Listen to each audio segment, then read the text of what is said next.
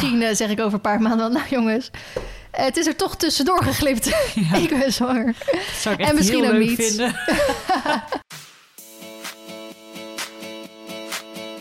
Hoi allemaal, leuk dat jullie luisteren naar een nieuwe Hinneke de podcast. Yes! Met Vee en Esmee. Yes, yes, yes. Meid, wat zie je lekker winters al uit met je Oh, haar zo. Ik heb mijn make-up niet gedaan. Nee, dat ook. Maar gewoon qua haar.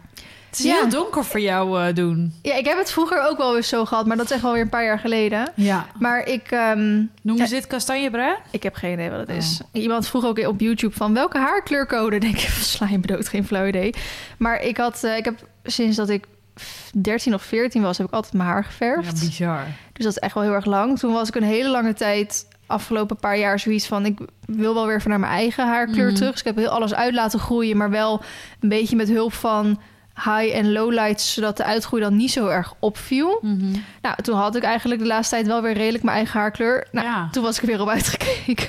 toen vond ik het weer saai. Maar eerlijk, een eigen haarkleur... en dat is niet om mensen aan te sturen om te gaan eh, verven... maar dat is ook wat saaier of Ja. zo. Bij jou, dit glimt veel meer al meteen. Ja, ligt een beetje aan, want ik had met Isabel erover, mijn stagiair, die heeft hartstikke mooi lichtblond haar van zichzelf. Ja. Dat zij zegt, ja, ik heb nog nooit mijn haar geverfd. Ik, Nee. zou het ook zeker niet doen als ik jou Nee. was. Maar ik heb zo'n dat wel zo'n saaie, saaie, kleur. dat ja. saaie asachtige blonde, donkerblond richting bruin. Ja, En dat is ook een lange tijd soort van ingeweest, juist dat askleur. ja.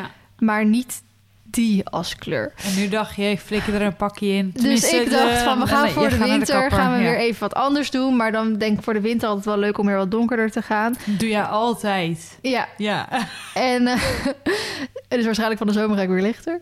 Maar eh, wat we hebben gedaan is ehm, mijn uitgroei, zeg maar. Ja, ik laat nu een mee zien dat Mhm. jullie zien natuurlijk niet. Eigenlijk de eerste 2, 3 centimeter hebben we niks mee gedaan. Daar hebben we hele, hele blonde highlights ingezet. Dan dat alles daar... En dan zeg maar over helemaal vanaf mijn middenscheiding tot aan mijn oren, zeg maar. Mhm. Omdat ik het best wel vaak zo van links naar rechts en Ja. zo draag. Dus het moet overal zitten. Daarachter hebben we mijn volledige uitgroei ehm één tint donkerder gemaakt dan mijn eigen uitgroei. Mhm. En daar overheen hebben we dus zo'n kastanje, roodbruine spoeling gedaan. Ja. Dus het wordt nog wel iets lichter. En toen ik ook hier net was, toen dacht ik ook echt... Oeh, het is gewoon bijna zwart.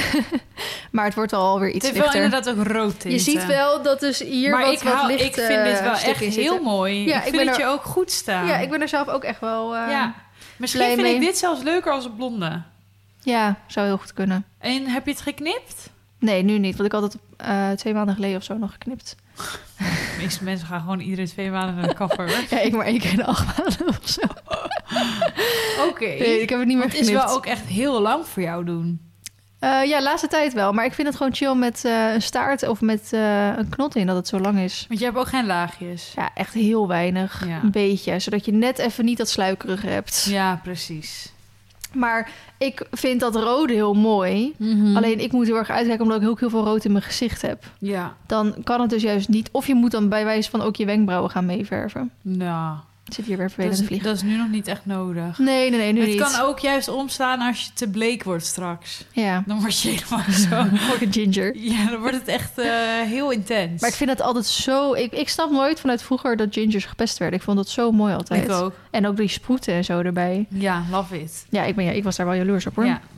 Maar goed, ja, haar oké. Heel leuk. Ja, ik krijg nou ook eigenlijk helemaal door jouw eh, vibes om naar de kapper nog te gaan. Heel stom. Ik weet niet waarom. Ja, niet, ik denk niet om het verven, want ik ben op zich wel blij nog met die highlights. Ik Ja. ben natuurlijk vrij blond nu op dit Ja. moment. Ook al echt vier maanden of zo. Ik Mhm. verf. Ik heb alleen de laatste keer highlights erin laten zetten. Mhm. Dus dit is allemaal eh, eigen. Maar ik ben het nog niet zat. En als ik het wel zat ben, doe ik inderdaad vaak gewoon zo'n pakje spoeling er doorheen. Oh ja, ik heb dus heb nog nooit zelf mijn haar geverfd. Ik durf het gewoon Maar niet. Jury heeft het de laatste keer bij mij gedaan. Ja, toen ik zeg maar volledig ging Ja, ja. verven. Ik ben echt... Kijk, volgens mij als je donkerder gaat, kan er niet zoveel fout gaan. Maar Lichter lichter- zou ik ook... Dat is- eh, ja, heb ik ook trouwens een keer gedaan. Ja? Toen was mijn haar toch al... Ja, dat was... Was de- het groen geworden? Nee, het was echt Paars. geel, rood. Oh. eh, ja, alle kleuren van de regenboog, behalve de goede. Oh, ik heb één keer gehad bij zo'n goedkope kapper. Nou, trouwens, waar ik nu ben geweest, heb ik maar 90 euro betaald. Ik heb daar drie uur gezeten. Ja, bizar. Dat maar is 30 echt- euro per uur, ja, dat is echt heel weinig. Ja, Vroeger betaalde ik gewoon rustig 200 euro ervoor. ja. Maar ik ben ook bij zo'n goedkope kapper geweest. En toen kwam ik gewoon met groen haar naar buiten. Ja. Ja, dat, daarom durf ik dat niet meer. Ik wil, ik wel gewoon bij iemand die een beetje maar ja, ervaring heeft. ik wou zeggen, en dan denk je dat je bij een goede kapper zit. Want dat dacht ik toen ook, toen ik mijn haar ging Oh, laten ja, ja, ja. blonderen bij Keunen. Nou, Ja. dan denk je grootste haarmerk van heel Nederland. De haren vielen gewoon letterlijk van kop af, hè. Brak zo af. Dus Ja, het was helemaal niks te zeggen. Nee, dat is zeker. En de laatste paar keer heeft Emme uit een, vriendinnetje uit België heeft mijn highlights gezet. Hmm. En die doet dat zo goed. En nu ook. Nu is het dan aan het uitgroeien. Maar het ziet er niet Nee. uit. Het ziet er niet onverzorgd Nee, uit. het ziet er niet uit alsof je uitgroei hebt. Nee, en Jul, weet ik ook nog wel eens een keer, die had toen ook echt een keer iets van 300 euro betaald aan high en low lights Mhm. in Soes toen nog. En die kwam terug en dat was net zo'n zebra. Dat was zo lelijk dat ik zei, meid, heb je hier zoveel geld aan Ja, uitgegeven? doen. echt bizar lelijk gewoon. Ja, zonde. dat is echt, ja, dan voel je echt kut. Ja, Dus ik ben wel heel moeilijk met kappers. ja, ik ook. Daarom maar ben ik heel blij dat ik er...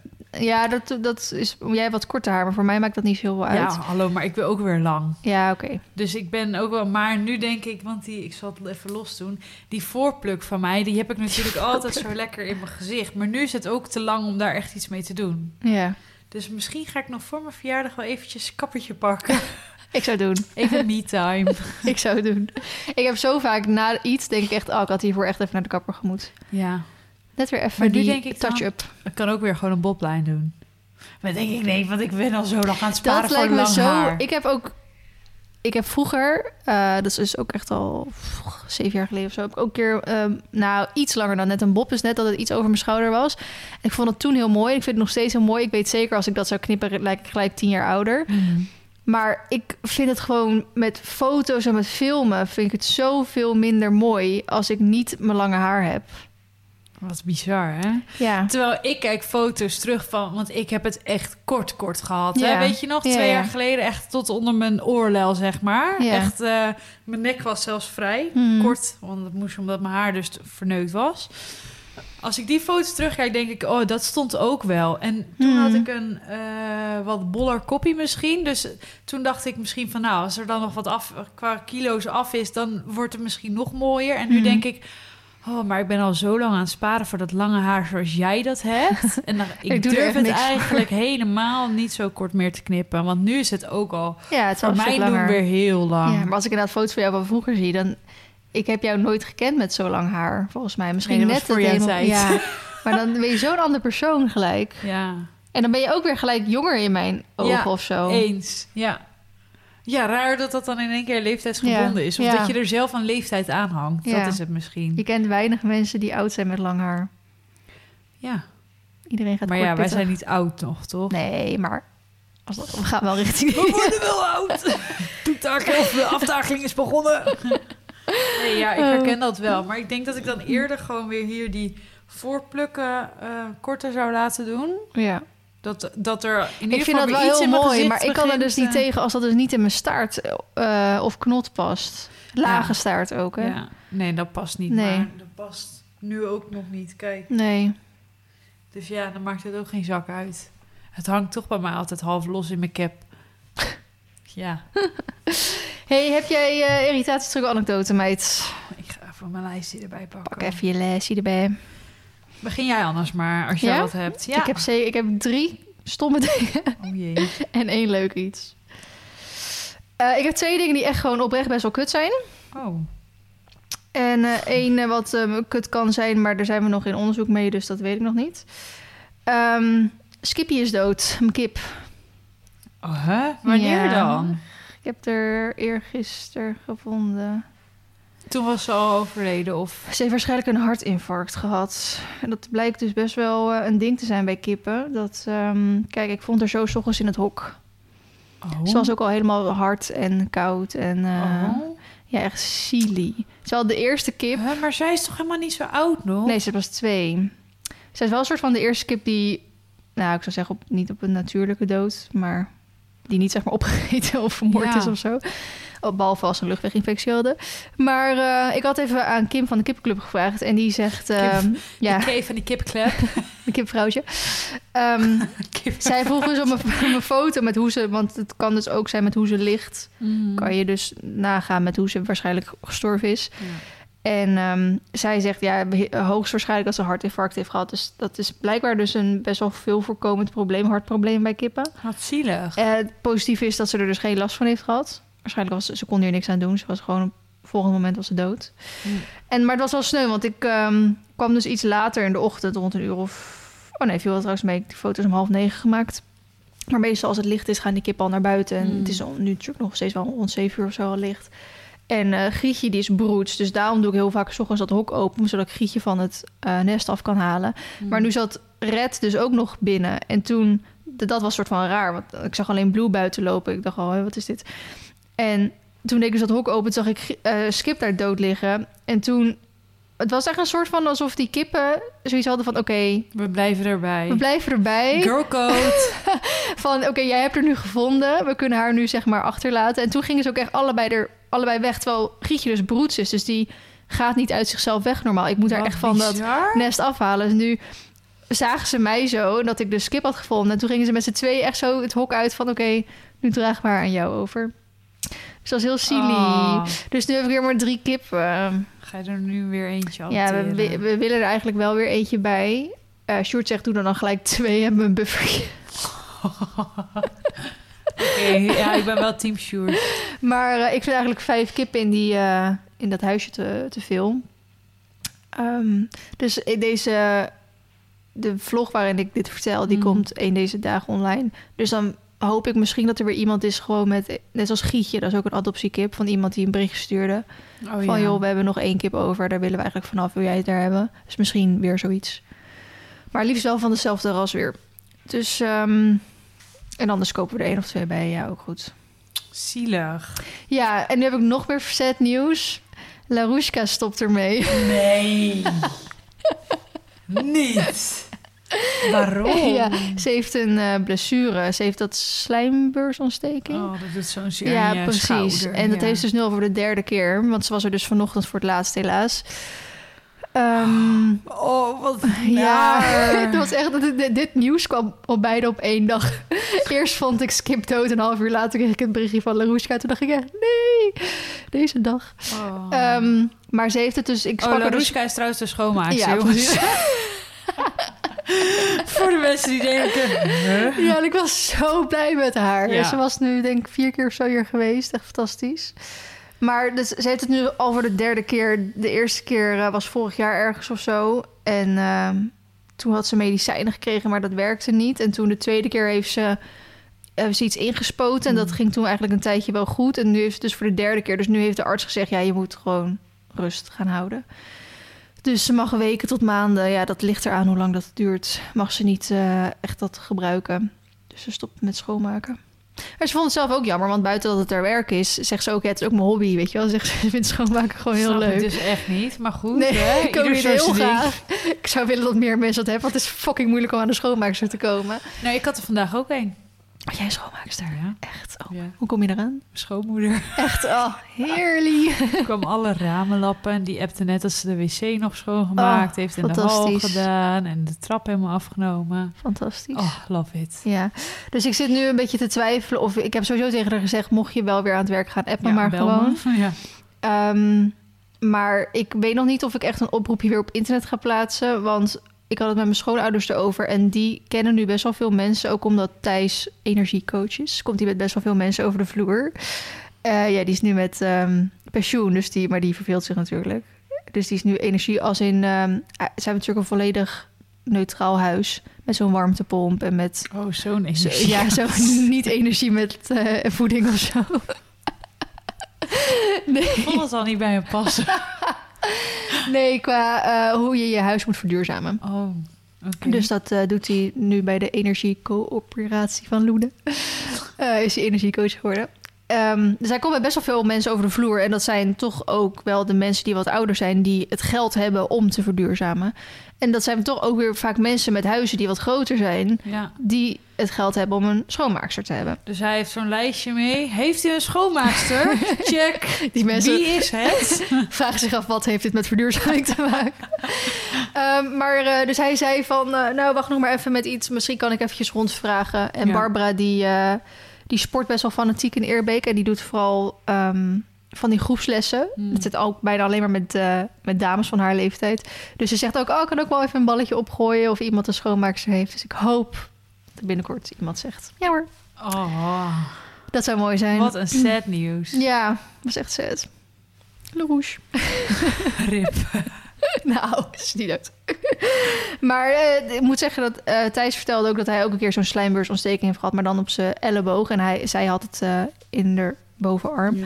En hij zegt dat doet echt zoveel zeer. Ja, mijn pa had dat ook. Die heeft er toen ook een spuit in gehad. Hij kon gewoon zijn arm niet hoger dan dit doen. Nee, precies. Hij zegt, ik moet alles boven zijn hoofd moet hij werken. En dan moest hij met zijn linkerarm zijn rechterarm ondersteunen. Oh, ja. ja. dat ging helemaal nergens Nee, over. dat duurt dus ook echt tering lang. Heel lang, ja. Ja. Ja. dan gaat het alleen op een gegeven moment met rust over. Ja, Fuck your life. ja.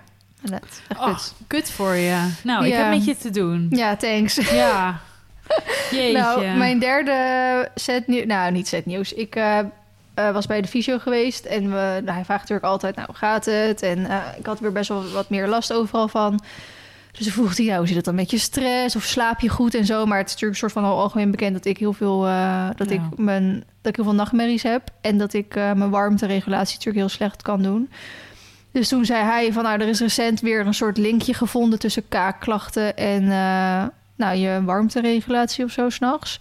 Dus toen zei hij, misschien kan je naar de huisarts gaan... om een doorverwijzing te krijgen naar iemand die je met slaapproblemen kan helpen. Hij zegt, zorg dat je niet naar een slaaptherapeut wordt gestuurd... want die gaat je alleen maar zeggen van... een uur voordat je naar bed gaat, niet meer op je telefoon, en weet je wel, dat. Maar eh, hij zegt bij jou gaat het er ook niet om... want dat soort mensen komen vaak of slecht in slaap... liggen s- s'nachts lang wakker... en zijn overdag bijvoorbeeld moe. Nou, dat heb ik allemaal niet. Het is, ik kom goed in slaap, alleen ik eh, kan dus heel slecht mijn warmte natuurlijk reguleren s'nachts.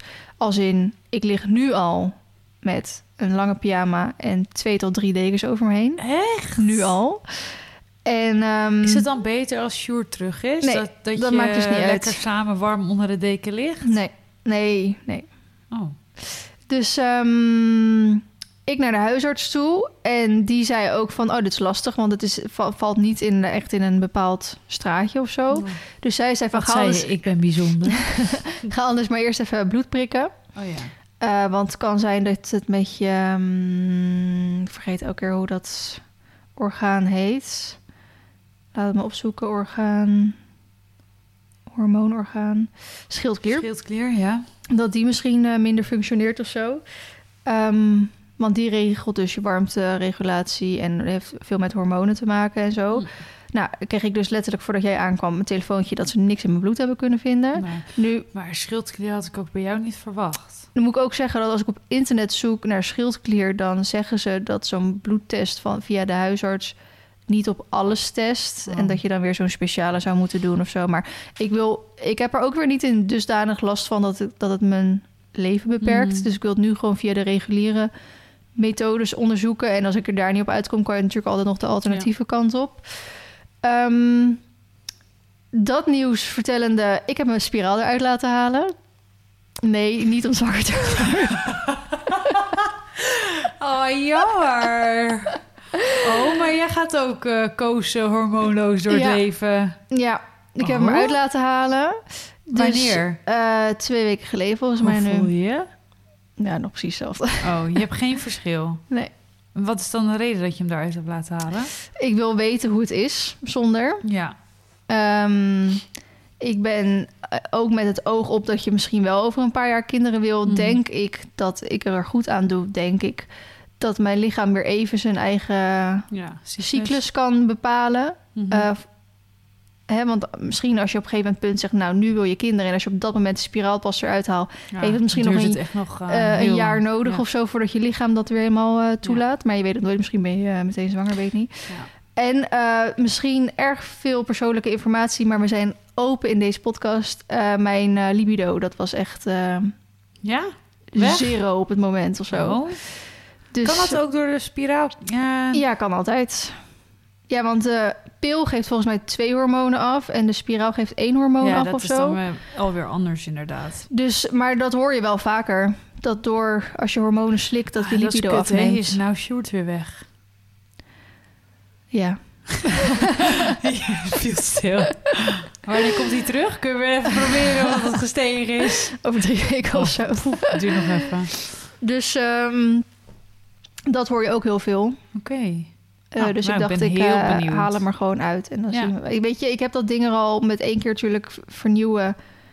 al bijna tien jaar erin zitten of zo. Dus ik weet ook, volgens mij hebben we het hier wel eens vaker over gehad... maar Ja. ik, weet ook, ik weet ook helemaal niet wie ik ben zonder hormonen. Hoe- En ehm, ben je ongesteld geweest? Nou, ik weet nog niet of het ongesteldheid is. Want zij zegt ook, omdat we dat ding eruit halen... kan, er- kan ik gewoon wat nabloeding krijgen. Mhm. Dus ik heb eh, niet op dag 1, weet ook niet of het op dag 2... maar wel daarna ongeveer een week lang wat bloedverlies gehad. Hm. Dus ik moest gelijk weer tampons kopen. Ik moest gelijk weer... ehm, hoe noem je die andere dingen? Inlegkruisjes kopen en zo. Dat had ik ook al tien jaar niet hoeven doen. Ben je nooit ongesteld geworden Nee. in je... Nee. Oh. Heerlijk. Dus daar zit ik heel erg tegen op dat ik nu weer ongesteld kan gaan Oh worden. meid, dit gaat zo anders zijn, jongen. ja, Dit misschien ga ik ook wel echt- een menstruatieondergoed Ik straks. zou het doen. Ik zou maar vast bestellen als ik jou was. Het is echt, ik, ik zweer het, is echt top. Maar goed. ehm, mm, mm, mm. Oh ja, en deed eruit halen zeer? Nou, ik herinner me van toen ik het moest wisselen... dat ik best wel bang was voor het eruit halen... dat me dat heel erg meeviel. Maar het Mhm. plaatsen is altijd gewoon best wel even onprettig. Maar ik moet zeggen, nu vond ik het eruit halen ook niet heel chill. Het was echt niet zo vervelend als het plaatsen. Mhm. Maar het was ook wel echt wel even onprettig. Maar ik heb altijd met al dat, dat soort dingen... ik weet dat het maar een paar seconden duurt. Ja. Dus gewoon heel even door de zure appel heen bijten. Ja. Gewoon denken, over 10 seconden is het voorbij. ja, precies. En dan is het ook zo voorbij allemaal. Oh, spanning. Zijn we lekker koos hormoonloos met z'n twee. Ja. Ik raad je ook aan om zo'n ehm, zo'n tracker te kopen. Dat is wel echt heel handig hoor. Ik kan ook precies nu gaan uitrekenen wanneer ik dan weer ongesteld word en zo. Met dat, met die eh, app. met Ja, dat met lichaamstemperatuur. Ja. Ja. ja, ik hoor Ja. er wel heel veel verschillende verhalen over. Hoor. Heel veel mensen die zeggen dat dat gewoon niet, eh, niet werkt. En ja, dat je tussen eh, niet heel veel... ehm, kijk, nu zijn jij en ik op een leeftijd dat als je dan toch een keer zwanger raakt... is het, om het zo te zeggen, niet erg. Want dan, ja, voor mij mag het dan wel Mhm. komen. Ehm, maar dat ze heel veel, dat las ik dus laatst weer een artikel, dat dus heel veel jongeren het ook op die manier doen. En dus veel meer abortussen, veel meer morning afters en zo eh, plaatsvinden. Oh. Doordat ze daarvan uitgaan. Ja. En dat het dus niet 100% waterdicht is.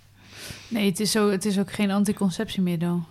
Nee, maar je kan toch uitrekenen met die temperaturen, met wanneer je dan in je Ja, vruchtbare maar jij bent periode net zit van of je, zo. me- van je dingen af. Dat is als je, dat, als je daarvan uitgaat dat dat allemaal klopt... dan moet je zorgen dat je nooit aan de pil gezeten hebt... of dat je nooit een spiraal hebt gehad. Want nu moet jouw lichaam eerst ont, eh, onthormonen. Ja, En pas dan, als dat helemaal steady is... dan kun je zeggen, nou... op de groene dagen kun je echt seks hebben... en op de gele en op de rode dagen niet. Nou, Mhm. ik heb echt maar, zonder grappen... ik denk zes groene dagen nog in een maand. oh, in een cyclus, ja. Omdat de rest nog allemaal veel te onzeker is. En dat Oh, geeft ja. hij wel heel duidelijk aan. Dus wat dat betreft, ja. Oké. Nou ja, goed, ik eh, zie het allemaal wel. Ik ben heel benieuwd hoe het gaat ervaren. Moeten maar condooms gaan kopen. Ja. ook al tien jaar niet eh, gedaan. Nee, dat, dat doen wij nu ook inderdaad. Ja, ik heb best wel veel eh, vriendinnen die dat eigenlijk nu zo doen. En Ja. eh, iedereen vindt eigenlijk dat het wel meevalt. En ik vind het ook heel lief, want ehm, ook best wel veel vragen van mensen. Vragen, het is niet alsof ik met echt iedereen erover heb gehad of zo.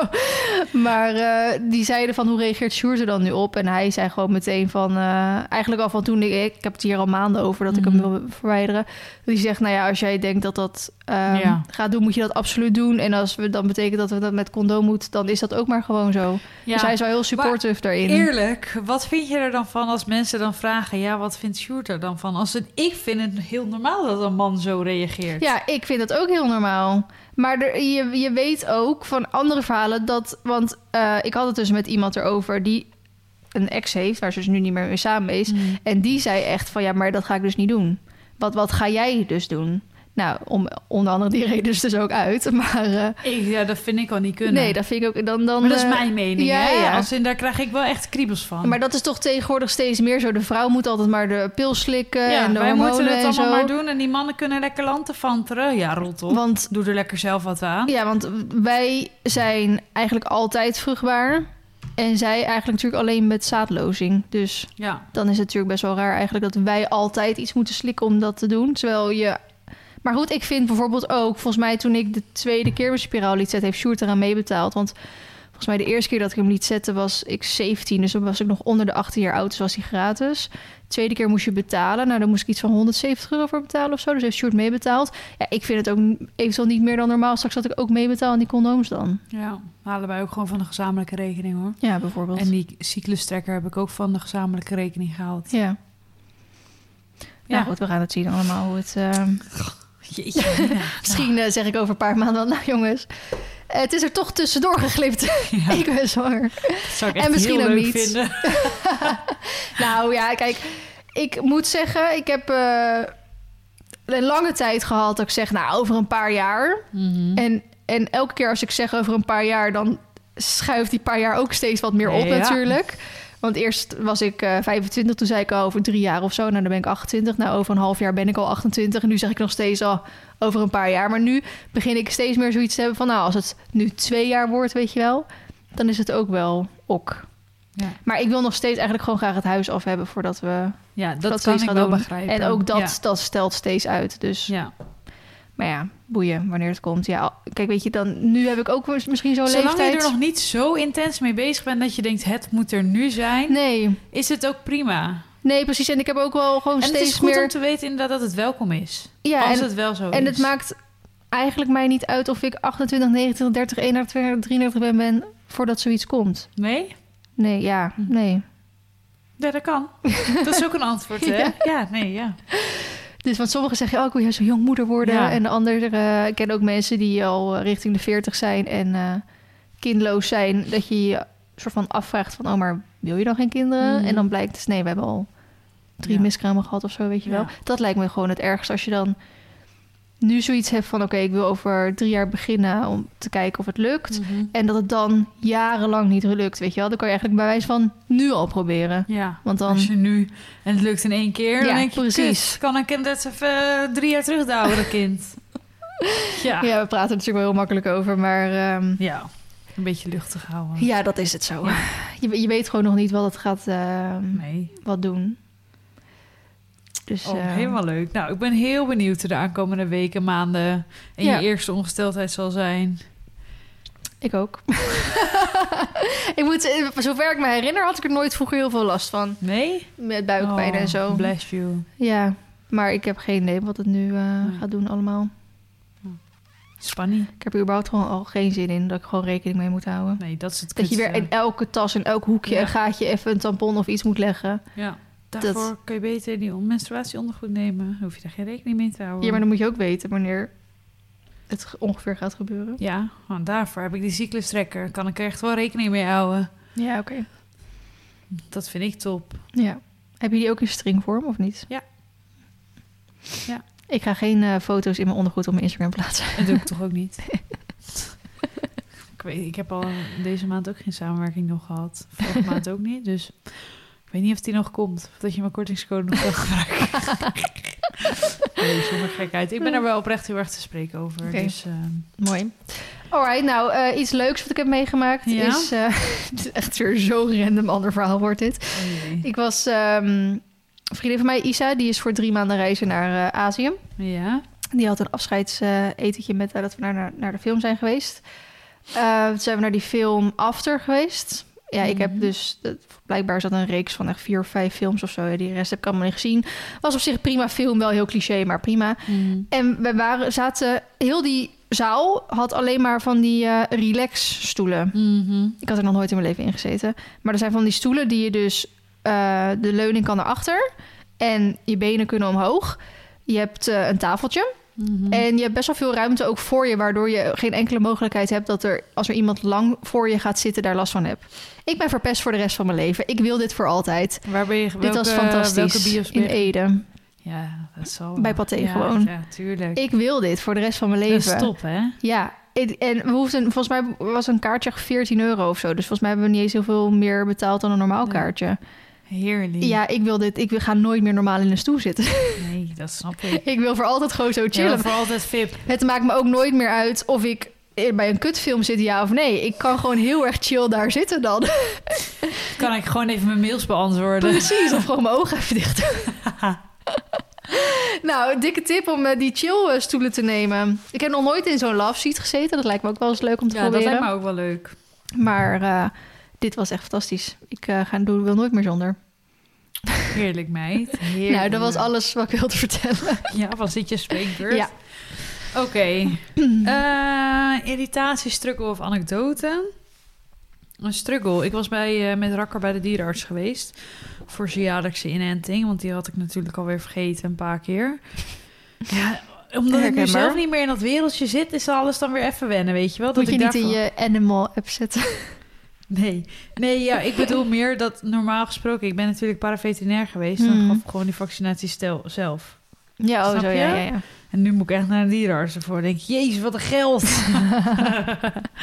maar eh, ik was dus bij de dierenarts bij ons op de hoek. Want die zit echt op de hoek letterlijk. Dus dat was echt top. Ja. En voor zo'n vaccinatie durf ik dat wel aan. Als in, ik heb wel mijn eigen adresjes nog in Soest en omstreken... waarvan ik denk, nou, daar ga ik heen als er wat is en zo voort. Maar voor zo'n vaccinatie, ja, prima. Hmm.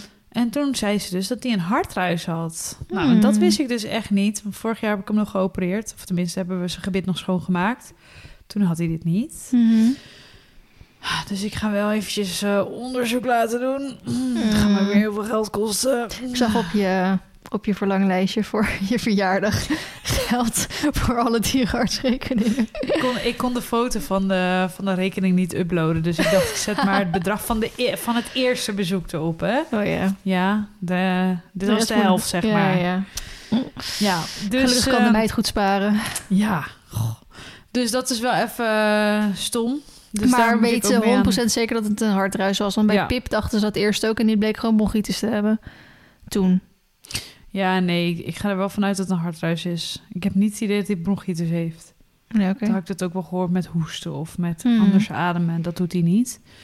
Bij zo'n hartruis moet er een echo gemaakt worden. Want eigenlijk wil je weten of dat het gewoon onschuldig is. Dat kan. Maar het Ja. kan ook zijn dat er echt een probleem is in het hart. En dan moet hij aan de medicatie. Mhm. En hoe eerder je daarbij bent, hoe sneller je hem op medicatie kan zetten. En hoe langer die meegaat, Ja. zeg maar.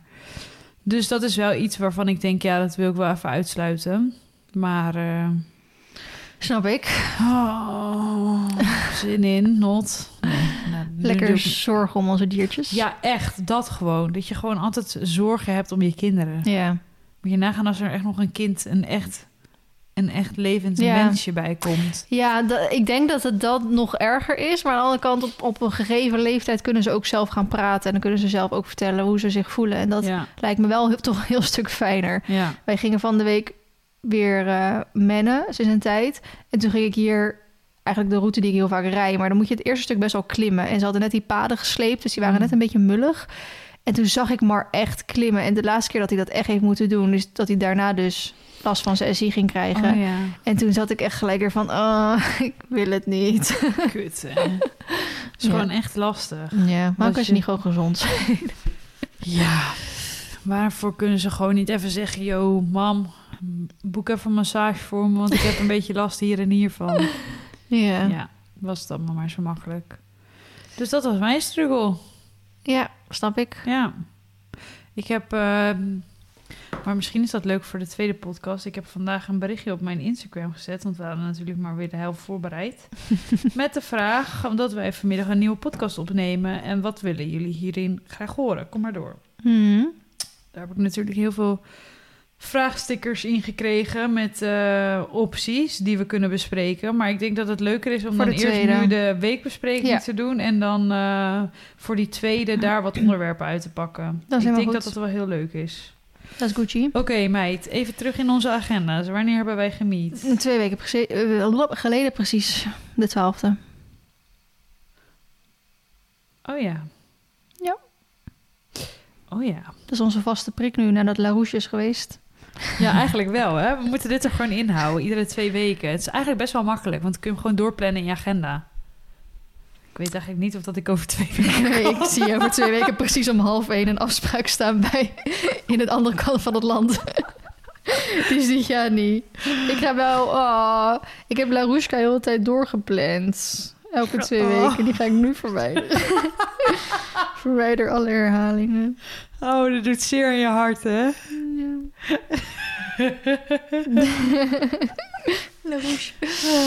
Oké, ehm, ik heb nam, nog steeds ESMR-therapie met Nudge. Ja. Ehm, moet zeggen, we hebben het afgelopen... Ik had zeg maar, toen, we waren toen dinsdag de 12e bij elkaar... en woensdag de 13e hadden we dat weer. Mhm. Maar ik heb ook ondertussen dus afgelopen zaterdag weer eentje gehad. We hebben nu in Mhm. totaal vier sessies gehad, maar pas drie bij de koeien. Oh ja. Ik moet zeggen, het werd eerst alleen maar erger. Ja. Ehm, op, eerst kreeg ik hem zeg maar wel langs de koeien, maar vond hij het echt doodeng. Nu zijn we op een punt dat hij zich gewoon stijgert, omdraait en lostrekt. Hmm. Maar we hadden afgelopen zaterdag voor het eerst een soort breekpunt. Compromis. Nou, weet je wat het gewoon heel erg is met ESMR? Ik wil het ASMR zeggen. Ja. E- ESMR. Ehm, Is Het- niet E ESDR? DR? oh ja, ES, EMDR. Ja, het is ESDR. Ja, ik heb, E- ik heb, ESDR, oh ja. ja, hier heb ik wel ESDR staan. Hier heb ik ESMR staan. Nou, Oké, zo. Ehm, het is niet zeg maar dat het betekent dat je met die apparaatjes die die trillingen geeft, dat dat echt het werk gaat doen. Er zit eigenlijk nog echt tering veel omheen. En die hartslagmeter is alleen op te kijken wanneer de Ja. Turkse stress oploopt en bla bla. Maar het is eigenlijk gewoon, en daarom is het gewoon heel erg belangrijk dat je dit bij iemand doet die van meer Mhm. af weet. Het is eigenlijk gewoon heel erg communicatie en grondwerk. Ja. Want wat Nudge doet, is ja, dat is een ondersteuning eigenlijk. Ja, Nudge doet, die loopt eh, door slash over me heen. En dat is in het normale leven is dat zeg maar echt heel minimaal. Echt heel minimaal. maar ga je met hem lopen, dan loopt hij graag lekker door. En dan let hij dus niet op jouw tempo. Maar dan is hij zich ook een soort van, van geen kwaad bewust. Maar dan denkt hij, oh, we zijn gewoon lekker aan het lopen. Maar niet op mijn tempo dus, op zijn Mhm. tempo. En wat er dan gebeurt op het moment dat hij stress krijgt... is dat hij vol gas door je heen gaat... en je dus gewoon niet meer, geen Ja. rekening meer met jou houdt. En dat zijn eigenlijk dingen die je al helemaal vanaf het begin... dus als je gewoon ook nog in een, in een safe om, in environment bent... gewoon in een veilige omgeving... die al gewoon heel erg consequent moet aanpakken Ja. zodat als er wel stress of spanning aanwezig is, hij Ja. daarop kan terugvallen. En dat is, komt natuurlijk een beetje overeen met wat eh Yvette van Verderleid doet. Van je moet ze gewoon eh, een andere optie een soort van geven. Of ge- van, je moet ze dat, dat vertrouwen in dat grondwerk geven, Ja. van dat ze altijd daarop terug kunnen vallen. Dus ehm, wat we bij Nudge doen, is ik, ik vraag wel zijn hoofd naar beneden. Ik vraag dat hij achter mij moet blijven. En dat hij voorwaarts gaat als ik voorwaarts ga. En stopt als ik zeg stop. En achterwaarts gaat als ik achterwaarts ga en zo. En ook als we omdraaien, dat hij dan niet in één keer zo over me heen loopt en zo. Dus we hadden nu voor het eerst aan het einde...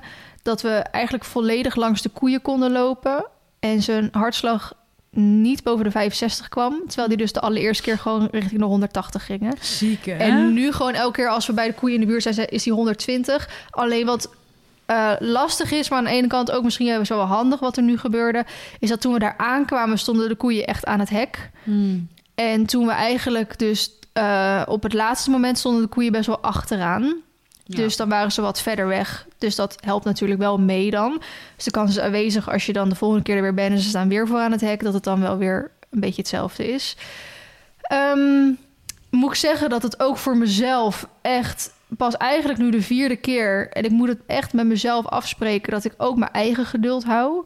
Ja. Want ik moet zeggen, ik verlies snel, zelf best wel snel mijn geduld. Omdat ik gewoon denk, doe fucking normaal, weet je wel. Ja. Hij doet zo lijp soms, dat ik echt denk, doe alsjeblieft normaal. En dan kan ik ook echt wel een beetje boos op hem zijn.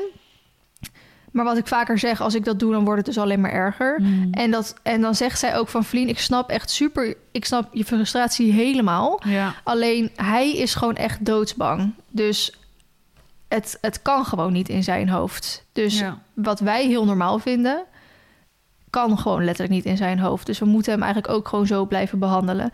Dus pas eigenlijk ook bij de vierde sessie had ik zoiets... oké, Vlien zelf ook echt je Ja. geduld blijven houden. En dat werkte dus, want daardoor hebben we denk ik wel... omdat we dus elke keer alles zo herhaald hebben... ik niet echt boos ben geworden... Hij zich wel rustig vijf keer gewoon bijna losgetrokken heeft... maar gewoon elke keer weer opnieuw, opnieuw, opnieuw... zonder hem dan boos worden... eh, hebben we uiteindelijk dat wel bereikt. Dus ehm, dat is fijn. Ik heb volgende week ergens of zo weer een nieuwe keer... Dus het heeft echt wel wat sessies nodig. Maar ik wil even voor de luisteraar in ieder geval meegeven... van mocht je ook zoiets doen... eh, denk niet zoals ik van... oh, die apparaatjes gaan het werk voor je doen. Mhm. Het is best wel veel grondwerk, leiderschap... consequentie vooral. Ja. Grenzen, vooral grenzen geven. Vooral zo'n jong paard moet echt zieke grenzen hebben. Ehm, anders gaat hij ze gewoon bij het eerste beste gaat hij ze eroverheen. Dus dat vond ik heel interessant. Eh, verder ben ik dat weekend naar Horse Event geweest. Maar dan nu naar de Pro. Als bezoeker. Oh ja, want we hadden natuurlijk die podcast opgenomen. En hebben we het Mm, ja. al wel helemaal uitgebreid over jouw weekend gehad. Ja. Maar je was nu ook nog als bezoeker. Ja, heb ik weer ontzettend naar mijn zin gehad. Ik heb eh, bij heel veel mensen gekeken. Ehm, toen ik daar eenmaal was, toen dacht ik echt... Oh, ik wil weer echt superveel erover vertellen. Nou, nu ben ik alweer de helft vergeten natuurlijk. Maar wat ik... Het was leuk, punt. Nee, maar wat ik wel weer opnieuw heel erg had... en ik heb het daar eigenlijk met best wel heel veel mensen daarover gesproken... zowel met de mensen die ik was als mensen die ik daar Met wie tegenkwam. was je dan? Ik was met Suus, eh, Els was mee, eh, Alike was ook mee en eh Daphne. Daphne is vriendin slash stalgenootje van Suus. Dus we hadden een heel gemengd groepje eigenlijk. Eh, heel leuk, want Su eigenlijk had Suus als eerste gezegd van... Ah, ik wil wel naar het pro-weekend, wie wil er mee? Mhm. In onze groepsapp. Toen zei ik, nou, ik wil eigenlijk ook wel. Nou, de rest had allemaal niet. Dus toen ging ik gewoon random mensen vragen, gaan jullie ook mee? Dus we hadden een heel gemengd groepje, wat eigenlijk ook wel weer heel erg leuk was. En heel chill dat je elkaar ook weer vrij laat van, oh, ik wil daar kijken, ik ga daar kijken. Oké, prima. Ja. Weet je wel, je laat elkaar gewoon eh, zijn eigen agenda houden en zo. Ehm, maar ook daar zo, omdat ik nu als bezoeker was, kon ik veel meer ook met wat mensen eh, bij steentjes praten. Want zo ehm, twee eh oud-klasgenoten van mij, die werken dus bij twee eh, bedrijven. Eentje was Hartog volgens mij en de ander... Ik zag haar alleen even voorbij komen. Ik denk dat het dat Evo Verzekering is. Eh dat zijn oude klasgenootjes van mij van de hippies. En die werken daar dus nu. Ehm, dus die zag ik daar dan ook. En met Marion heb ik best wel lang even gepraat. En zij zei van, oh ja, ik, wat ik zeg maar nu straks ga vertellen... dat heb ik echt heel veel mensen horen zeggen. En daar sluit ik me helemaal bij aan. Is dat het weer ehm, in mijn ogen weer een, een splitsing is tussen echt show... en echt iets educatiefs, zeg maar. Mhm. Bijvoorbeeld, we hebben bij de show van Jesse gekeken. Terwijl ik altijd zoiets heb, ja, maar ik heb Jesse vorig jaar al gezien en ik ken Jesse al goed. Dus van mij hoef ik niet per se bij hem te kijken. Mhm. Maar elke keer is het, je wordt nooit teleurgesteld als je bij zijn show, zeg maar, kijkt. Ja. Het is interessant met hoe hij de paarden traint, zowel eh, met bit als bitloos als met nekroop, als vrijheidsdressuur. Mhm. Maar hij maakt er echt een show van. Mhm. Hij, hij, hij laat mensen lachen. En weet je wel, het is echt leuk om naar te kijken. Zo hebben we ook bij die Working Equitation Speed Trail gekeken. Daar ben ik wel eh, pas aan het einde een beetje aangeschoven, want ik ging ergens anders kijken. Die maken er ook echt een show van. Weet je wat? Het was echt heel erg cool om daar naar te kijken. Ehm, ik heb ook bij eh, Astrid Hoppenbrouwers gekeken. Nou, Uiteraard. die maakt niet echt een show, maar die is natuurlijk wel heel interessant om te kijken. Ik eh, had, hoorde meerdere mensen om me heen. En ook toen ik daarna naar Astrid ging, kwamen letterlijk mensen van de tribune af om tegen haar te zeggen wat verademing om zo eh, les te zien geven, zeg Wat maar. leuk. Ehm, dus, en zij, het was voor haar de eerste keer dat ze dat op Horseven deed. Dus ze was zelf heel erg zenuwachtig en zo. Maar het was gewoon heel erg chill dat daar gewoon een paard liep. Gewoon lekker met zijn neusje eruit. Die er gewoon echt heel goed daar rondliep. Want eerlijk is eerlijk, het loopt ook wel eens wat anders tussen. Ehm, ik heb gekeken bij ehm Emiel Voest. Die dus met eh, een paard van eh Tineke Bartels ging. Dat vind ik ook een Oh. leuke combinatie. Blijkbaar kennen die elkaar al jaren. Maar vond ik echt een leuke combinatie. En ik vind Emiel Voest is gewoon echt zo natuurlijk bizar goed in zijn vak. Ja. Dat het gewoon zo gaaf is om daar naar te kijken. En dan ging dat loswerken, weet je wel, weer doen. Ja. was ook weer zo vet om te zien. Dus ik heb echt heel erg genoten van eh, goed, fijn horsemanship. Ik heb niet Mhm. bij Pet Barelli gekeken. ehm, dus daar kan ik niks over zeggen. Maar er waren ook een paar natuurlijk educatieve dingen. Zoals ehm, in het begin springen met variatie van eh, Mans Buurman. Of eh, door de ogen van de jury, weet je wel. Mhm. En daar vond ik het dus weer jammer dat er dan combinaties worden gebruikt die gewoon al echt op een bepaald niveau lopen slash rijden. Je had bijvoorbeeld bij Mans buurman, die had twee kinderen meegenomen met ponies. Nou, je zag gewoon, je zag wel de ene was beter dan de ander, maar die hadden allebei echt al wel van die, van die leuke coole sportponies onder hun reet, weet je wel. En die konden, kinderen konden er hartstikke leuk mee wegrijden. Maar ja, ik vind dat dan minder interessant om te zien dan gewoon een combinatie die dat wat moeilijker allemaal vindt. Mhm. Ehm, maar eigenlijk vooral bij de ogen van de jurygedeelte zou dus een L-combinatie zijn, een Z-combinatie en een ZZ zwaar of zo combinatie. Die ZZ zwaar was volgens mij Tommy Visser. Uh, die, die zetcombinatie was, uh, oh, hoe heet ze nou? Nou, ook een Grand Prix ruiter. En die L-combinatie, ik weet nou niet 100% zeker of zij ook een Grand Prix ruiter was. Maar dat was dan een L-combinatie van een vierjarig paard die net 86% op de Pavo Cup had gelopen. Ja, sorry, maar Hallo, niemand... mag ik dan als L-combinatie ernaast lopen? niemand op die hele fucking tribune kan zich identificeren met die ruiter en dat paard. Nee. Dus ik kom Want daar dat kijken. soort mensen die komen ook niet naar Horse Event. Nee. Denk ik dan. En ik vind het prima dat dat soort mensen de clinic geven. Ja. Maar ga dan niet de deelnemers van die clinic ook dat soort mensen. En dan roepen ze wel van... ja, we hebben niet de minste ruiters hebben we hierheen gebracht. Ik denk, nee, dat snap ik.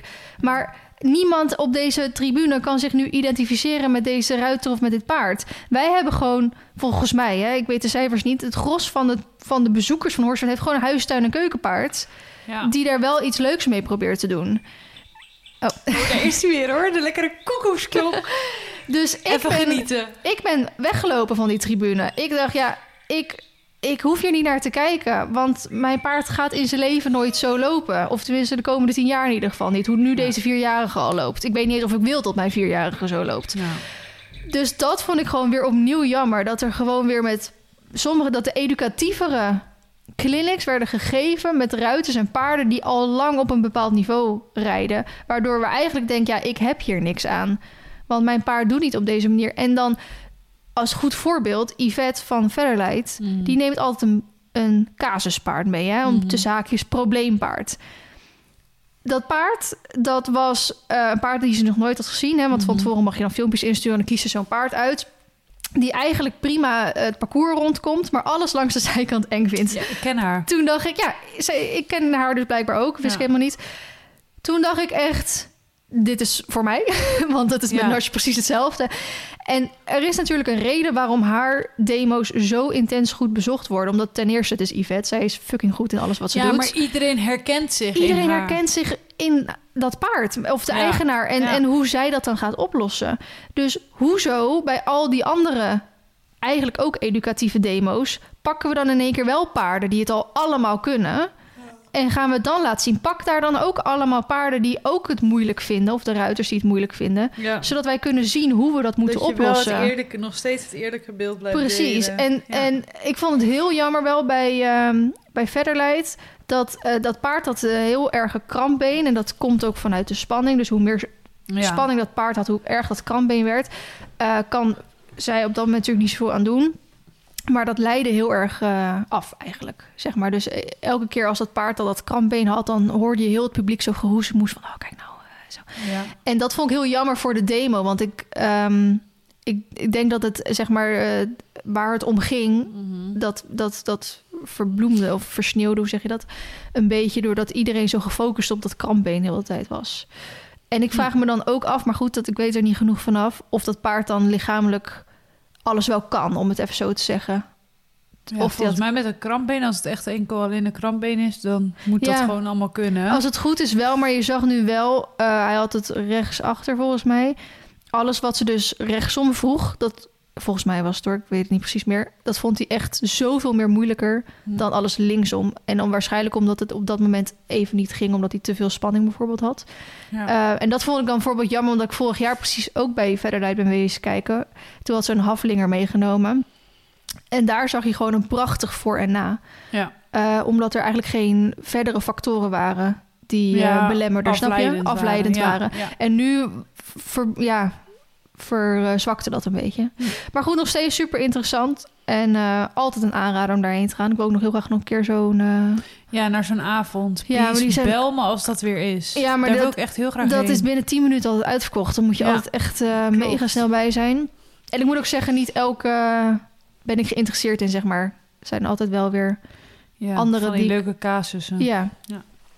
Dus dat was eigenlijk mijn mening over Horse Event. Het was best wel rustig, wat ik eigenlijk wel lekker vond. En eh, ik heb naar mijn zin gehad. Nou, Dus positief. dat eh, over Horse Event. Verder, ehm, ja, heb ik springles gehad, osteopaat geweest. Ik heb mijn frons weer bij laten spuiten. maar ik vind niet, kijk, ik kan nog steeds boos kijken. je kan nog steeds boos kijken, ja. Terwijl het al bijna een week... Ja, het is nu precies een week geleden. Dus ik... En ik weet wel dat ik eigenlijk heb ik eh, iets, iets hogere dosis nodig. Maar de vorige keer had ik het ook niet gedaan.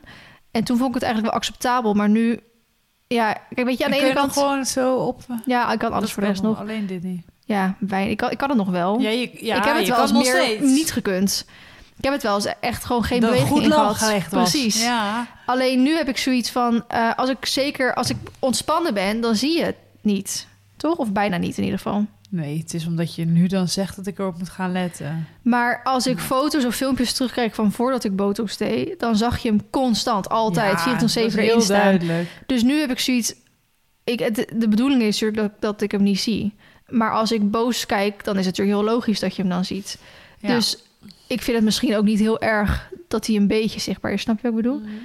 Eh, en ik doe nog steeds die bindweefsel. En ik had iemand gisteren die vroeg aan mij van... is jouw hoofdpijn ook afgenomen sinds je botox doet? En toen ging ik wel even nadenken van ja... ik heb eigenlijk wel echt veel minder spanningshoofdpijn hiervoor... sinds ik die botox Ja, heb. best wel Of- logisch, want je legt natuurlijk die zenuwen plat. Ja, dus ehm, dat Ja. is denk ik bijkomend positief voorbeeld. Eh kappertje geweest. Verder, ehm, ja, die oefendressuur gedaan, maar daar heb ik allemaal een vlog over gemaakt dat het helemaal kut ging. ja, Zo eerlijk, Kan hè? Zo lekker zeggen. gewoon gebleven in de night. eh, en gisteren ziek geweest, ja. Ja. Nou, gisteren was ik dus ziek en ik wil daarna overgaan op jouw week. Want jij hebt een piercing laten zetten. Oh, ja. Maar ehm, ik had dus gisteren hoofdpijn en ik werd ermee wakker. En dat is heel raar, want normaal word, krijg ik het gewoon in de loop van de dag. Mhm. Maar nu werk ik ermee wakker. Dat is kut, hè? Ja, word je echt depressief wakker. Ik, die spier die hierachter van Ja. je nek naar je schedel gaat, Ja. dat was de boosdoener. Ja. Eigenlijk de boosdoener komt volgens mij achter mijn schouderblad vandaan, Ja. want ik had daar een, een pijnlijke plek. Hij liep helemaal door naar een zenuw hier over mijn wang. Want Mhm. als ik hier zo iets tegen mijn schedel of mijn kies of zo aandruk, dan doet het tering veel pijn. En hij loopt hier door naar boven mijn wenkbrauw. Dus ik vraag me heel erg af of die zenuw die dus bij je oor zit, waar jij dan je dingen in hebt Mhm. laten schieten, Nou, dat heb ik niet laten schieten, dat heb ik laten prikken. laten prikken dan. Of dat ehm, daar zeg maar mee in verbinding staat. Dat als Die ik. staat wel door je... Ik heb een lijstje met waar die allemaal zit. Kunnen we zo al eens kijken. Ja, want ik wil dat dus denk ik nu ook gaan doen. Ik ga wel mee.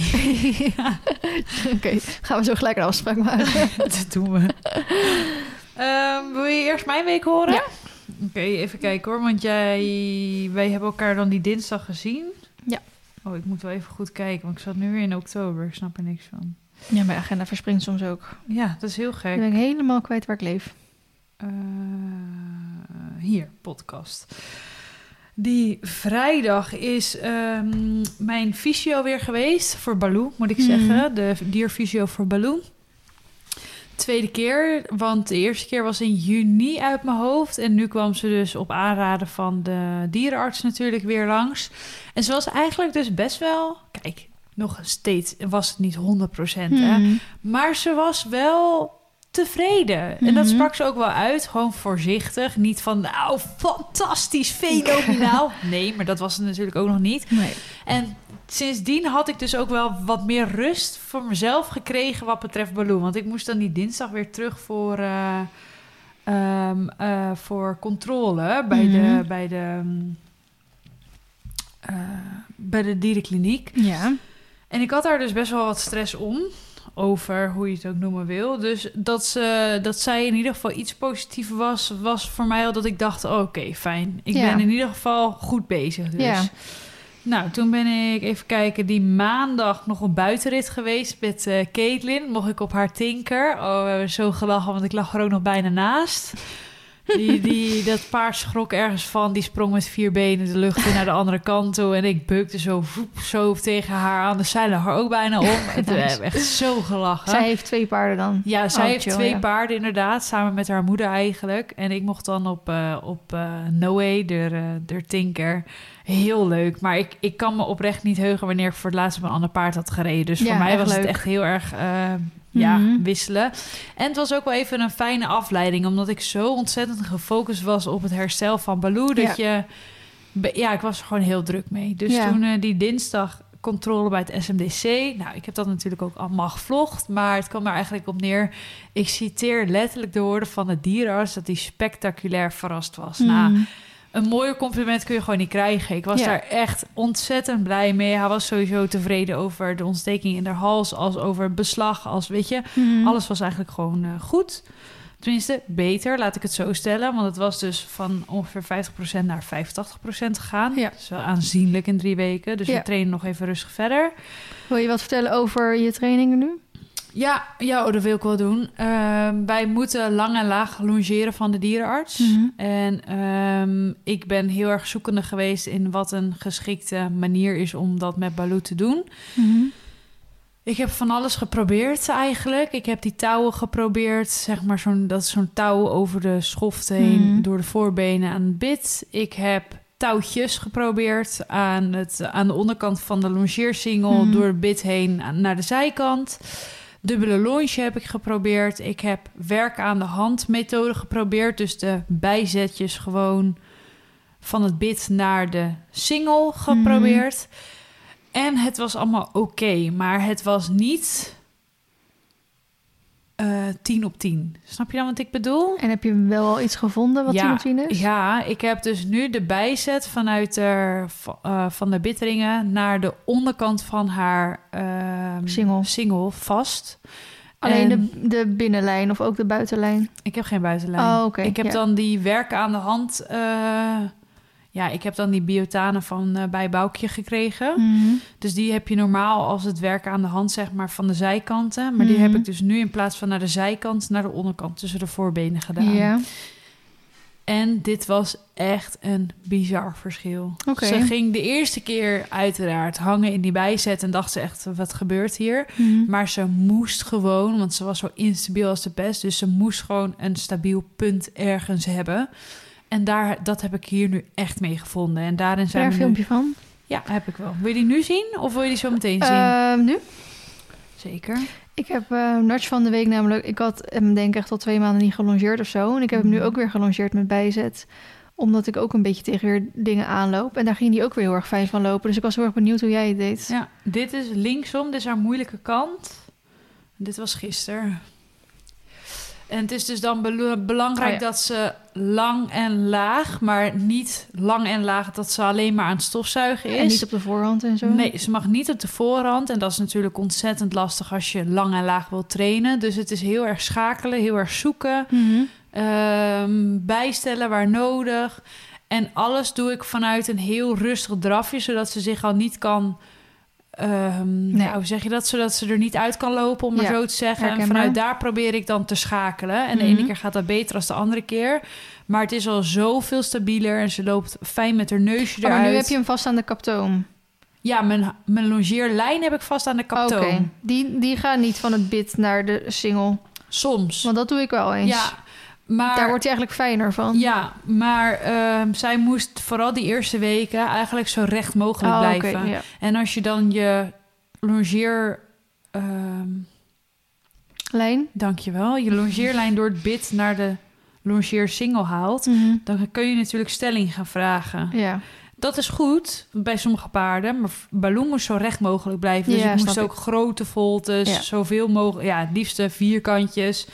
Ja, dat was natuurlijk ook weer een uitdaging. Dus vandaar dat ik het voor nu zo had gedaan. Ja. En eigenlijk loopt ze hier dus best wel oké mee. Maar ik moest er echt zo erg in schakelen dat ik dacht, ja... Kijk, met je hand ehm, zet je natuurlijk ook een paard soort van in een frame. En zet je hem waar je hem wil hebben. En met zo'n longeerhulp, op wat voor manier dat dan ook, doe je dat ook. Maar ik moest er wel heel erg overheen zetten dat ik dacht van ja... Ik heb natuurlijk het liefste heb je zo'n paard helemaal in vrijheid lopen. Ja. Dat die dan het beste door zijn lijf heen loopt. Nou, maar ze deed gewoon niet. En dat was Nee. gewoon niet de manier. En ik moest na drie weken terug bij de dierenarts. En dan moest ik laten zien dat het beter was. Ja, ik dacht, nou, dat, ga ik nooit, dat gaat me nooit lukken. Nee. En dit werkt nu zo ontzettend goed. En toen was ik dus bij de dierenkliniek twee weken, of vorige week, zeg ik dat goed? Ja, vorige week. En ehm, toen moest ik dus gewoon los longeren aan haar halster. Mhm. En toen ging ze gewoon direct zakken. Dat Oh, ik dacht, hé, hey, kijk, jij hebt het dus echt begrepen. Ja. Dus de dierenarts was ontzettend enthousiast. Dus Nou, dat ik was eh, moet zeggen dat ik... eh, die heb ook genoeg mensen die natuurlijk eh, het er niet mee eens zijn. Mm. Maar ik had het... Ik weet nou niet of met mijn osteopaat was of met iemand anders. Die zei ook van... Ik had een paard met kissing spines in Mhm. revalidatie. En die liep ook alleen maar met die kop de lucht in. En die moest ook echt zakken. Ja, En soms heeft dat heel vaak dus heel veel tijd nodig. Maar de tijd had dit paard dus niet. En eh, toen is ze ook met bijzet gelongeerd. Ook op, ja, op een vriendelijke manier. Want je kan ze natuurlijk ook echt... Ja, je kan ze ook helemaal klem, eh, klem zetten. Ja. Ehm, dus Want het is wel belangrijk dat ze nog steeds met het neusje eruit blijven Ja, lopen. Maar precies. ja, dat is, het is echt een puzzel hoor. Ja. En eh, die was daar ook heel erg van Ja. verbeterd. ja. Dus, Echt ehm, bizar. En eigenlijk is ja. dit natuurlijk hetzelfde als met touwtjes. Alleen met touwtjes kan ze dan weer te veel veranderen in haar frame. Ja, En voor nu willen we dat niet. Dus ze mag stofzuigen en ze mag zeg maar in een Horizontaal, ja. lopen, maar ze mag nog niet omhoog. En met touwtjes komt ze dus meer omhoog, maar ik vind omdat het wel ze dat goed lekkerder vindt dat lopen. jij alles hebt geprobeerd. Ja, Om te kijken wat het eh, Ja, beste werkt. tuurlijk. Ja, ik wilde haar gewoon zo snel mogelijk en het beste weer terug. En ik heb ook dubbele longe, heb ik er ook wel eens aan gehad. Mhm. Maar daarin komt ze ook al te snel omhoog. En dan heb je natuurlijk met je eigen hand te veel in de hand. Dus als je dan maar iets te veel druk op links zet, dan buigt ze natuurlijk alweer te veel op links in. En ze moest weer zo recht mogelijk blijven. Ja, Mhm. Het was gewoon allemaal fucking lastig. Ja. En ik moet zeggen, ik heb het werk aan de hand er dus weer meer bij gepakt. Mhm. Ik heb ehm eh, anderhalve maand geleden of zo les gehad van Katinka de Haan met het paard van Romy, eh, werken aan de hand. Katinka is namelijk werken aan de hand instructrice en revalidatietrainster. Mhm. En met haar heb ik dagelijks contact over de training van Baloo. En heeft ze me allemaal tips, tips en tricks gegeven. Met longeren kijkt ze mee en geeft ze tips. En eh werk aan de hand had ze ook verschillende dingen gezegd van... nou, dit kun je proberen en zo kun je Mhm. doen. Dus dat heb ik ook opgepakt, wat ontzettend goed ehm, uitgepakt heeft eigenlijk. Ja. Dus zo zijn we een beetje nog steeds aan het, ja, ik wil zeggen klungelen. Ik mag, ehm, het advies was nu om nog eventjes door te, te eh, longeren. En dan eh, ga ik haar op een gegeven moment weer oppakken onder het zadel ook. Maar ja, nu zit ik natuurlijk ook, ja, hoe ga ik dat doen onder het zadel? Als in, ja. Ga je ehm, dan ook bijzet doen? moet of, ik, eh, ja, hoe, wat gaat ze doen? Want ze- dat moet allemaal wel met heel veel rust en, en, en ja, Als iemand wil weten van wat is er dan met Baloo aan de hand... Esme Ja. heeft net een hele uitgebreide vlog erover Ja, geplaatst. kijk dat inderdaad even. Oh ja, en ik kreeg ook reacties. Misschien heb jij die ook wel gekregen van... Huh, jij was toch anti-longeren met bijzet? Maar ik snap niet zo goed waar mensen dat zo vandaan nee, want we hebben het al want we- maanden erover. Ja. En je plaatst best wel ook wel stories... dat je met dubbele lange Ja, lijnen en zo dus ik begrijp het niet helemaal. Maar misschien omdat ik natuurlijk... Ik heb ook eerder een vlog gemaakt hoe ik op dat moment trainde. En dat was gewoon aan een kaptoon. Dat, was, dat ging Mhm. voor toen heel erg goed. Tenminste, niet... Ik heb nooit de resultaten behaald die ik nu haal met het longeren. Laat ik dat Mhm. voorop stellen. Want dat, het is echt een wereld van verschil. Wat dat betreft ook echt een heel anders trainen. En ook Ja. de spieren die ze nu opbouwt. En als ze dan echt... Net als je zelf aan het trainen bent, dat je jezelf groot ziet worden. Dat zie ik letterlijk nu aan de ge- gebeuren. Mhm. Dat ik denk, holy shit, wat bizar. Ja, Dat doet ze aan de kaptoom, doet ze dat niet. nee. En Nee, dat, kan, ja. dat, dat verschilt per paard. Hè? Maar Ik vind het heel moeilijk omdat ik diezelfde persoon die ik laatst sprak... die zei ook ze hebben iets nodig om die aanleuning, die aanspanning aan te Ja. kunnen ja, nemen. En als je ze alleen los hebt laten lopen, dan kan dat niet. Maar goed, ik weet ook dat heel veel trainers zeggen dat dat wel kan. Dus. ja, ik vind het lastig. Kijk, ik ben er zeker van overtuigd dat het wel kan. Alleen op dit moment Ja. werkt dit niet voor Baloo. Punt. En Ja. Mijn, in, eh, mijn fysio zei ook, geef haar eerst stabiliteit. Ja. En pas dan kun je uitbouwen. En die stabiliteit krijg jij nu door die bijzet. ja. En daar kun je een mooi verhaal van maken.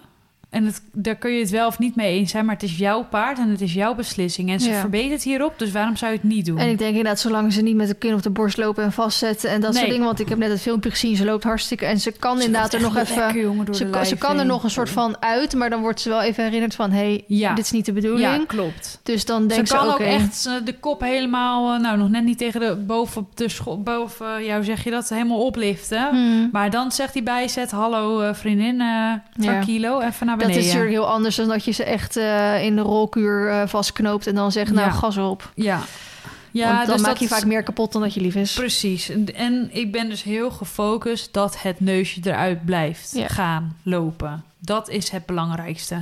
En ze mag dus stofzuigen, maar ja, dat weet je zelf ook. Paard met weinig balans, die valt op zijn voorhand. Ja. Dus als is een half rondje goed, dan beloon ik. Want dat is goed dat ze dat doet en dat ze daar dus die ontspanning uitzoekt. En dan gaan we weer naar aanspanning. ja, precies. En dan gaat dat goed en dan verruim ik een keertje en dan laat ik er weer terugkomen. En dan ga ik weer stappen en dan ga ik weer lang. En dan dat de hele tijd, die, Ja. die framebepaling die ik dan doe, dat is heel belangrijk. Ja. Dus dat is super interessant dat dat eigenlijk dus nu zo goed gaat. En ehm, dat is fijn. Ja, zeker. Eh, uitbouwen mag dus ook nu. De dierenarts heeft ook gezegd: ga als je erop zit heel veel balkjes doen. Ga Mhm. springen, ga buitenrijden, ga dressuren. Ga alles doen. Ga niet alleen maar focussen op dat dressuur perfectionisme.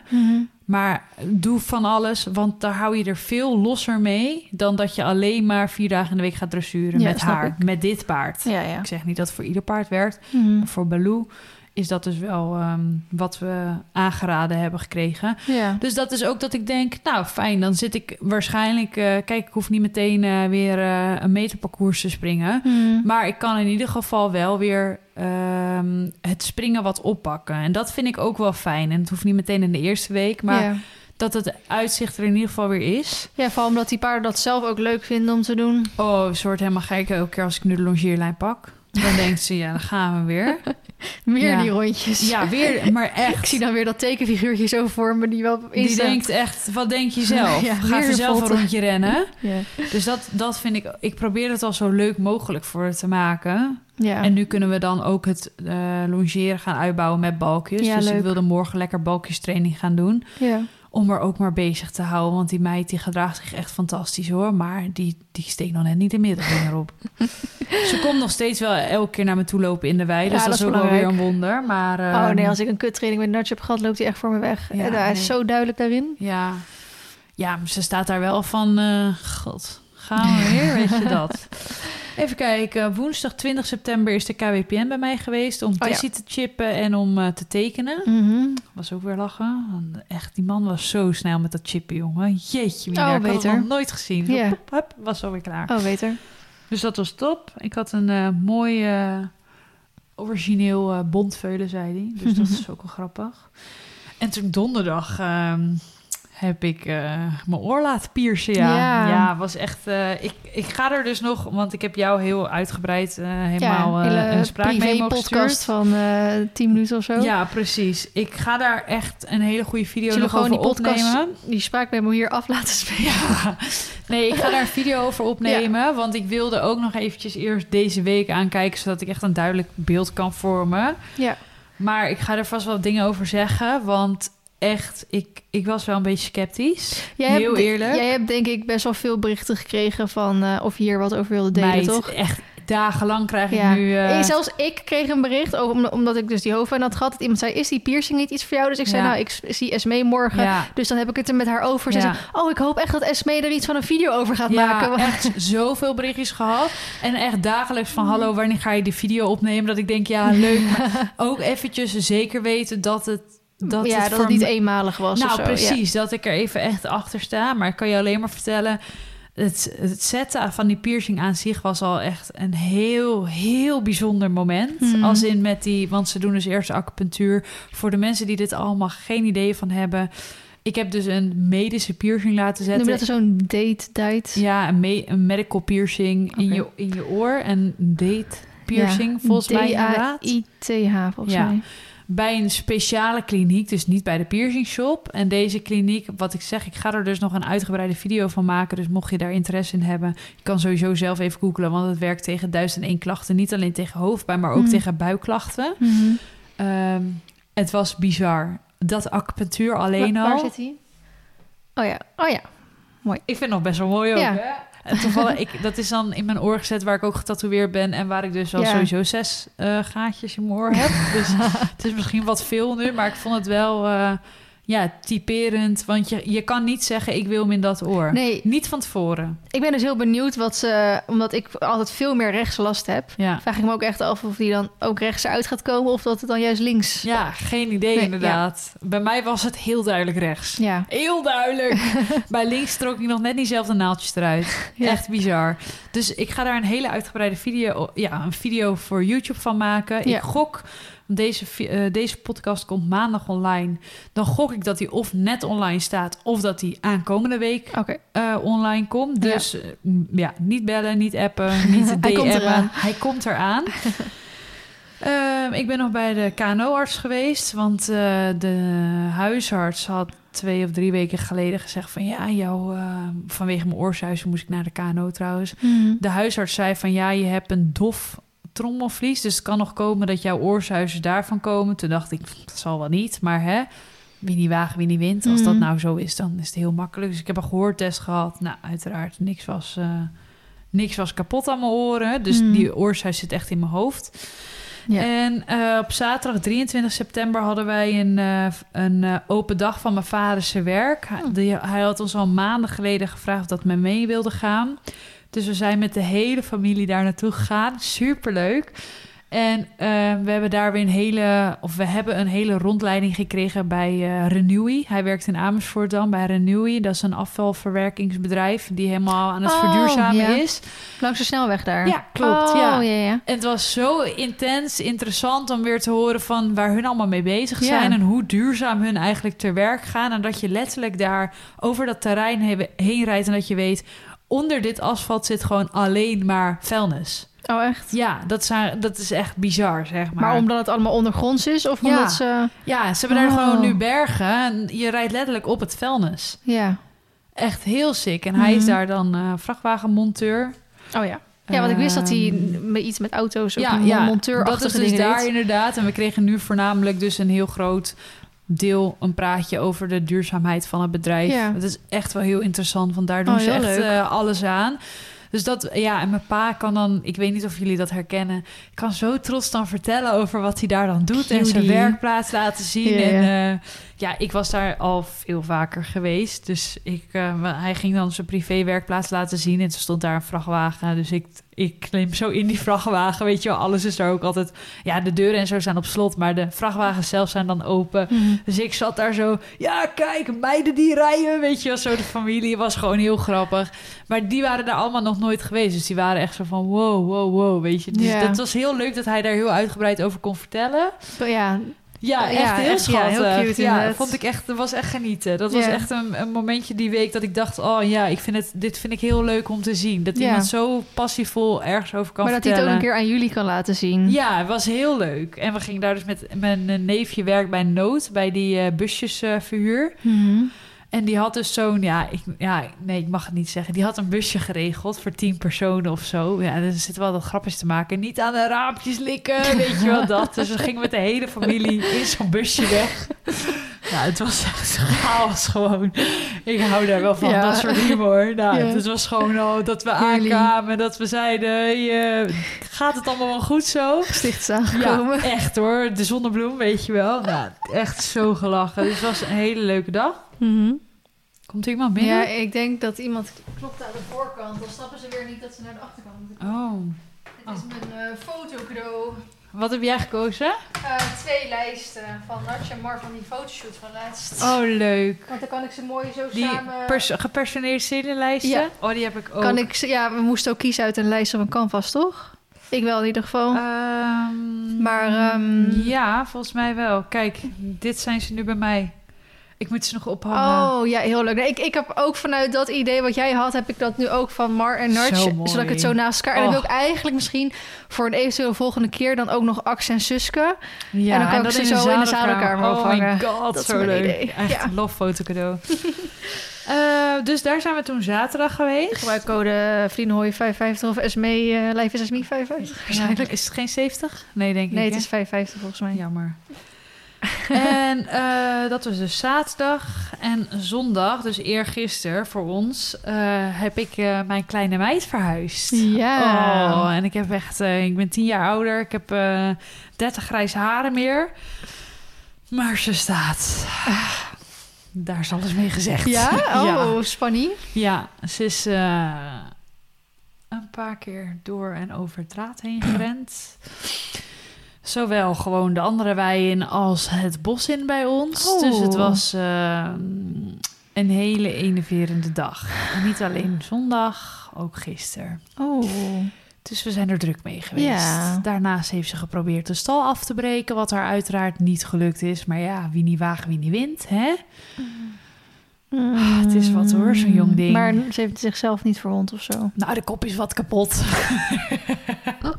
nee, ja, zonder gekheid. Ze liep gisteren niet helemaal meer af.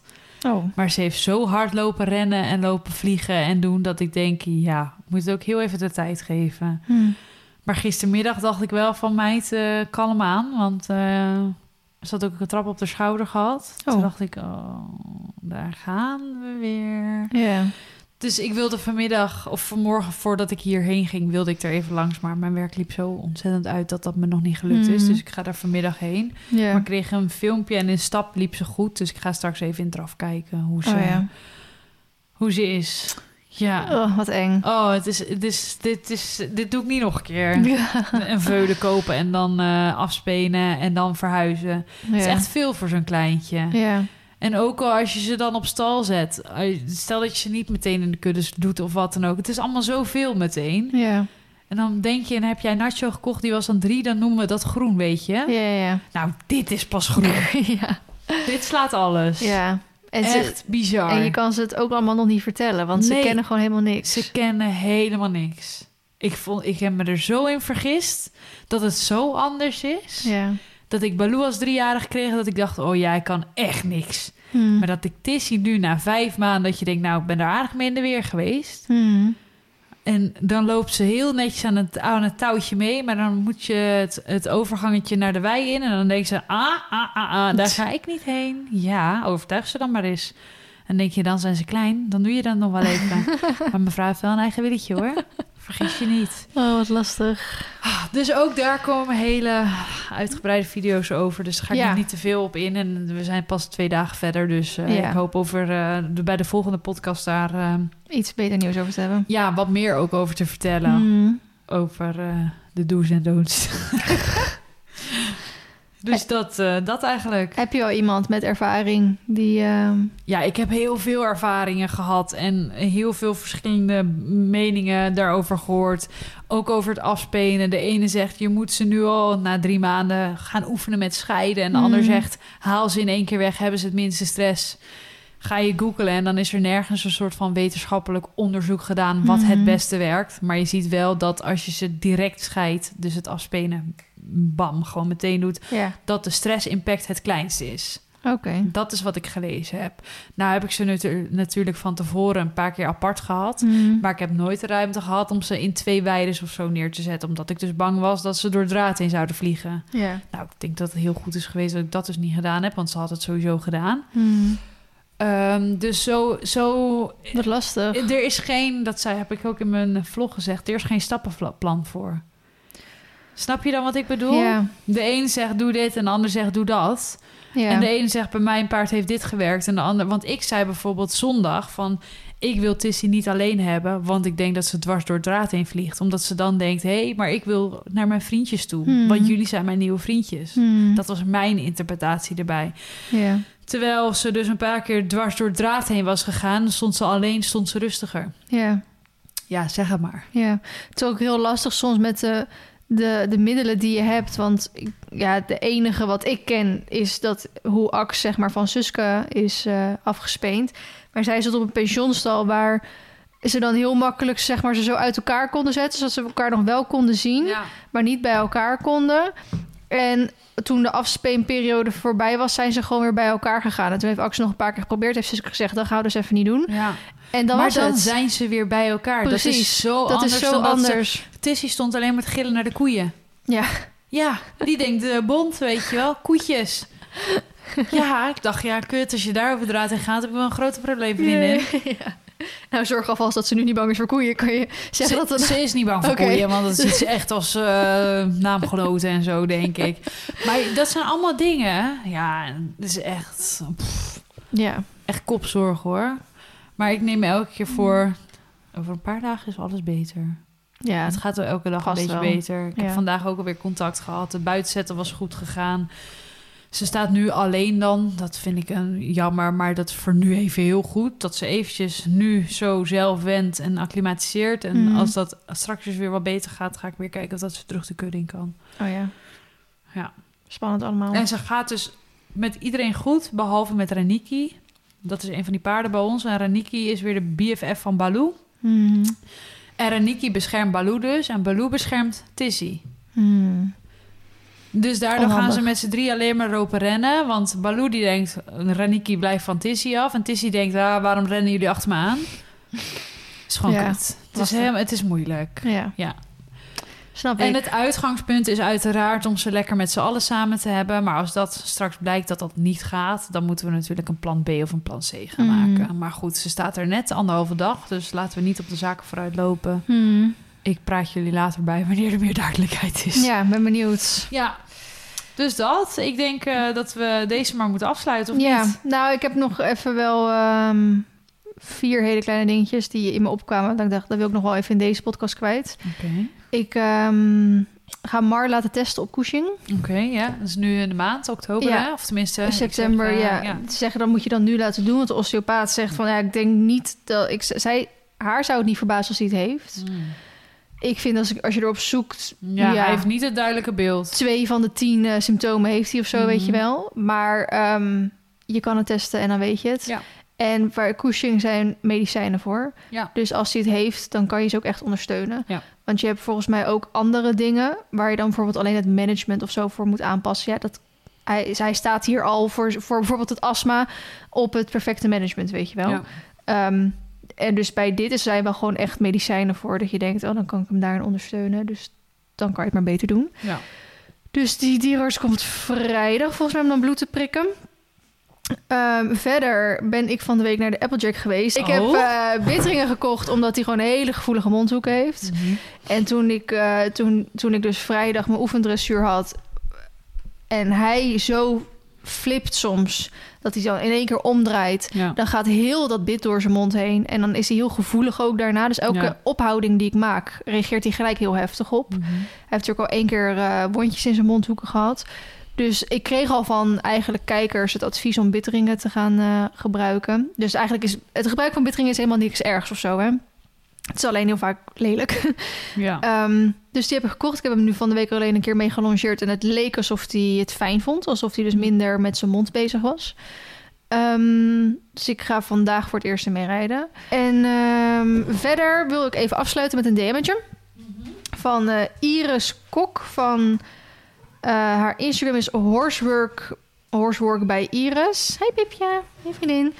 En eh, zij had mij dus naar aanleiding van mijn post van vandaag een berichtje gedaan van wil je wat oefeningen voor Nudge dan eh, want zij is dus eh, nou van alles en nog wat qua thera- paardentherapeut massages stretches mobilisatie shiatsu craniosacraal taping en bloedzuigers dus. Eh, zij doet dus training en revalidatie. Dus zij vroeg dus van als je tips nodig hebt laat me weten. Dus ik zei oh nou ben ik wel benieuwd naar. Toen had ze dus een een post bewust trainen. Van als je dus benieuwd bent om het op te zoeken. Haar Instagram heet dus Horsework bij Iris. En die post komt van 22 november 2022. Toen stuurde ze dus... Hoi dit bericht is de basis van het principe. Nacho is natuurlijk nog jong en moet veel kracht krijgen. Daarnaast vind ik dat hij nog een stuk souplesse mist. Ik zou aanraden zo'n drie keer per week te trainen... afhankelijk van de intensiteit wellicht vier keer. Het belangrijkste is om niet een uur te trainen... maar bijvoorbeeld 30 minuten... en echt te focussen op krachtoefeningen... zoals tempowisselingen, overgangen, balkjes en inuitjes. Van de drie of vier trainingen bijvoorbeeld één keer springen... daarna één tot twee dagen rust... Eén keer balkjes, één keer longeren en één keer dressuurmatig. Dit kan natuurlijk ook heel anders indelen. Het belangrijkste is mentaal en fysiek rust te geven.